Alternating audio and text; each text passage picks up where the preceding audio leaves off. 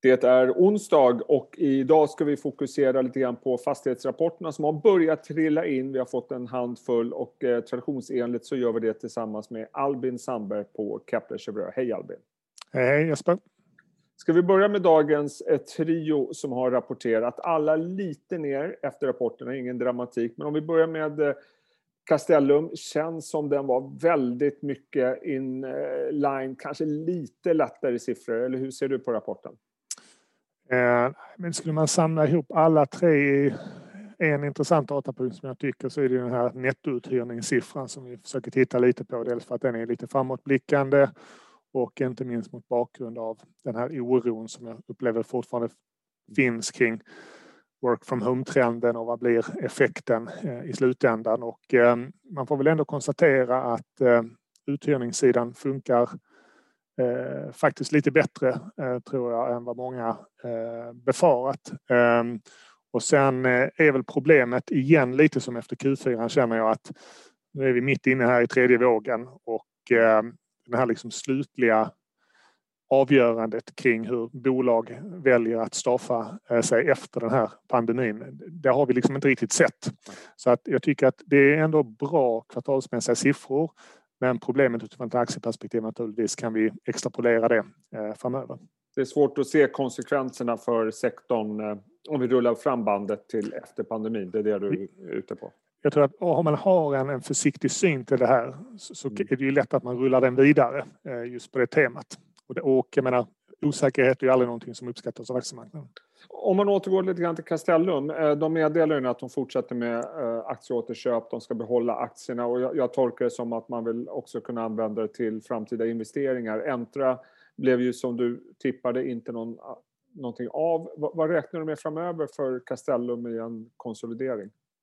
Alltså rent eh, eh så här aktieåterköpsmässigt tycker jag det är en intressant Eh, Eh, sätt att hantera sin, sin överskottskapital på. Jag menar, eh, man säljer ju uppenbarligen fastigheter klart över NAV och du kan köpa aktien under NAV. Så att på kort sikt så tycker jag det, det absolut är, är, är rätt att göra så.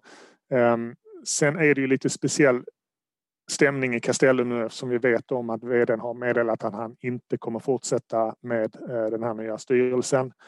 Ehm, och det gör ju liksom att ehm, när man blickar framåt på Castellum nu här så, så är det någon form av liksom förväntan på att snart kommer in en ny VD och vad kommer den VDn säga?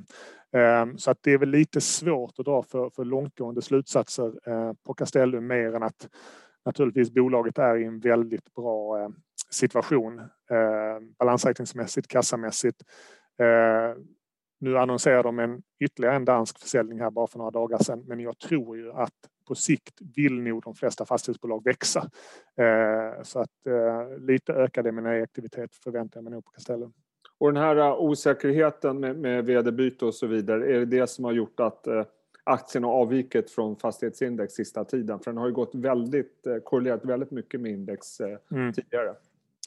Nej, men jag tror att eh, i det korta perspektivet så är det ju naturligtvis lite oturligt att underliggande vinsterna faller. Eh, sen kan man säga att de faller för att man säljer eh, fastigheter och realiserar värden. Men eh, jag upplever ju liksom att aktiemarknaden även för fastighetsbolag ja. så vill man ju hellre se växande vinster än tvärtom. Och även om de här växande vinsterna kanske kommer tillbaka om två, tre år så ja, hade man ju hoppats på, på både och så att säga. Om vi går vidare till platser då. Det ser ut som rapporten är lite, lite, lite, lite bättre än väntat på de flesta punkter. Håller du med om det? Eh, ja, det får man väl säga. Eh, och jag tycker också där att eh, vdns kommentar här kring uthyrningsmarknaden och det är små siffror men dock positivt på, på nettouthyrningssidan. Att vi ändå ser en gradvis stabilisering eh, av, av uthyrningsmarknaden. Eh, Platser har ju en hel del kontor eh, i Göteborg vars kanske hyresmarknad skiljer sig lite åt från från Stockholm, eh, både i absoluta tal men, men även relativt mellan olika områden. Ehm, så även där så känner jag väl att ehm, eh, den här all clear kan vi inte riktigt ge än, okay. men naturligtvis så kan vi konstatera att det går faktiskt väldigt bra för plats och man höjer också sin intjäningskapacitet. Och sen om vi tittar på Nyfosa, det är en av aktierna som har gått eh, väsentligt bättre får man säga än fastighetsindex. Eh, rapporten, det, det är liksom väldigt blandade signaler tycker jag i rapporten om jag bara tittar på siffrorna med bland annat ett förvaltningsresultat som är klart mycket bättre än väntat. Hur, hur mm. tolkar du den rapporten hur ska vi tolka de siffrorna? Nej, men jag tror också... Ehm, eh, Nyfosa är ju ett väldigt transaktionsintensivt bolag eh, vilket gör det kanske lite svårare att läsa än, än de andra. Eh, jag tror att man refererade också till lite tuffare vinter eh, och det är en sån här grej också som skiljer om man tänker sig svensk fastighet mot Europa att här är ju fastighetsbolagen som står lite risk både på upp och nedsidan på det här. Va? Eh, så det var lite extra kostnader på det som kanske inte extrapoleras. Men som du säger Jesper, den kommer ju från en kanske ganska nedtryckt nivå. Vi har sett lite intressanta köpare i Nyfosa sista kvartalet och två. Ehm, så ehm, ja, jag skulle inte dra för mycket slutsatser av, av bara Q1 som vi vet dessutom är ett säsongsmässigt eh, det svagaste kvartalet egentligen på året. Jag tänkte att vi ska även prata om en rapport som kom förra veckan och det är Atrium Ljungberg som är en aktie som har gått väsentligt sämre än index och jag misstänker att det beror på deras exponering mot eh, kontor men även eh, butikslokaler. Eh, den kommer in bättre än väntat på nästan alla punkter. Vad ska man dra för slutsatser av det? Eh, nej, det tyckte jag också var eh, en, en, helt okej okay rapport eh, i förhållande till förväntningarna var. Eh, lite faktiskt uppskrivningar på, på fastighetsvärdena, eh, vilket ju då är eh, eh står i skarp skillnad till vad aktiemarknaden säger om vad navet egentligen är värt om vi antar att en, en fastighetsaktie över tid åtminstone ska kunna handla i linje med sitt nav. Ehm, men, eh, ja, men du är väl inne på rätt spår där att eh, trots att eh, eh retail-delen eh, är minskande i eh, Atrium så sitter man ändå med en del eh, handelsplatser och shoppingcenter i sin portfölj. Och, eh, det där oron kring det också när man tittar på vad som händer internationellt och så vidare. Den, eh, den försvinner liksom inte bort eh, i det korta perspektivet. Eh, gradvis, om man tittar till exempel på Atriums utvecklingspotential och vad de håller på med just nu så kommer ju retail fortsätta att minska. Men eh, även där har vi naturligtvis den här oron kring e-commerce, fysisk handel. Eh, kommer folk återvända? Jag personligen är väl kanske inte så orolig när det gäller just det här besökarantalet. Jag tror folk kommer komma tillbaka så småningom. Men, men ja, aktiemässigt är det en risk att det, det, den slutsatsen kan man dra i, i augusti och varför inte då vänta med att köpa sen. förrän då.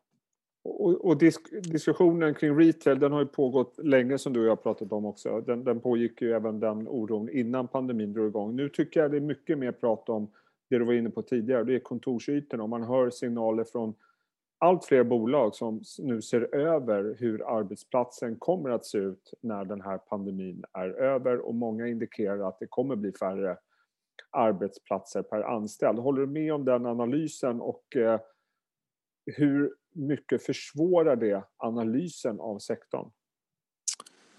Eh, Ja, nej, men det är väl klart att eh, i grund och botten kan man säga att den här osäkerheten och den debatten som det medför, eh, det gör ju liksom att jag tror att aktiemarknaden kommer ju inte vara beredd och betala upp för om man säger kontorsexponering förrän det blir lite tydligare vad, vad liksom slutsatserna är.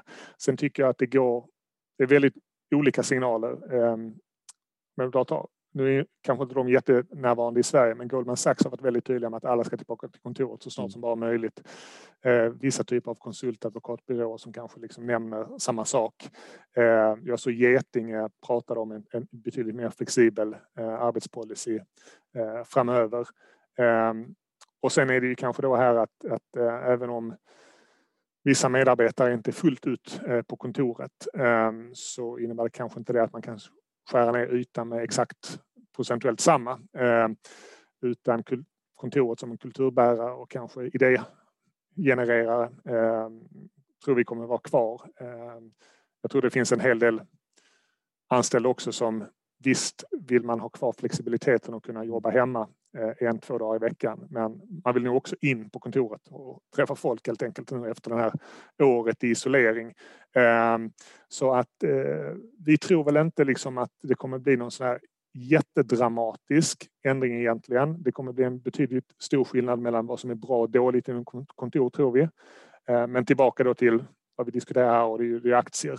Ehm, så är det klart att den här oron, den här debatten, den gör väl att vi ser ju många kontorsbolag som handlar under NAV eh, och ehm, där ser väl inte vi någon ändring förrän kanske in i andra halvåret när förhoppningsvis liksom vaccinationen Eh, kanske är genomförd eh, till stor del i varje fall och vi mm. börjar liksom se, jag tyckte vi såg liksom tendenser på det förra året också i, september efter att folk var tillbaka till sommaren, eh, från sommaren förlåt, och, och började röra sig i stan igen eller på kontor. Men det är liksom osäkerheten kring den här debatten som inte eh, kommer försvinna närmsta kvartalet eller så. Så att om man tittar avslutningsvis eh, på, på index så har ju den, alltså den är ju uppe nu på plus om man ser sedan början av förra året. Den är fortfarande inte tillbaka på topparna som vi såg direkt innan pandemin drog igång. Hur, hur ser du annars att investerarna agerar just nu? Nej, eh, jag påminner igenom det eh, där eh, Jesper, att precis innan covid bröt ut så var ju fastigheten nästan på all time high. Liksom. Det. det följde ju ett extremt bra 2019 också, så det fanns ju en viss fallhöjd. Min, känsla är väl att i ett relativt spel, om man börjar tycka att vissa cykliska sektorer har gått lite för långt och man tittar kanske lite på fastigheter har laggat lite, så, så får jag intrycket av att Eh, folk tittar eh, lite mer på det nu eh, än vad man gjorde för kanske ett kvartal sedan eller två. Och inte minst så hjälper det ändå till att, att de här rapporterna som vi ser, de är ju ganska stabila. Jag menar naven håller upp sig, kanske till och med växer lite. Ehm, vilket ju borde göra att liksom, rabatten på NAV borde inte kunna bli hur stor som helst tycker vi.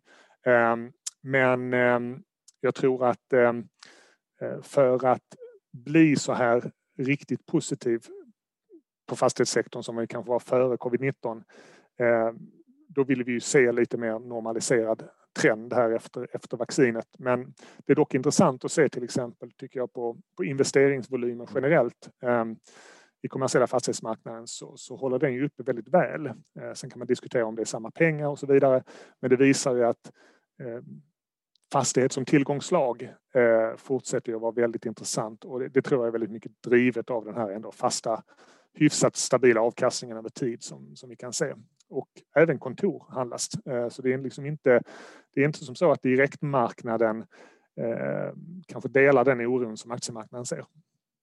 Mm. Ja, väldigt intressant Albin. Eh, jag tänker vi följer upp det här samtalet som vi brukar göra i slutet av rapportperioden när samtliga fastighetsbolag har rapporterat och kanske får en ännu tydligare bild av vad vi kan vänta oss framöver. Eh, tusen tack för att du tog dig tid Albin. Jobba tack så mycket Jesper. Hej då. Hej. Hej.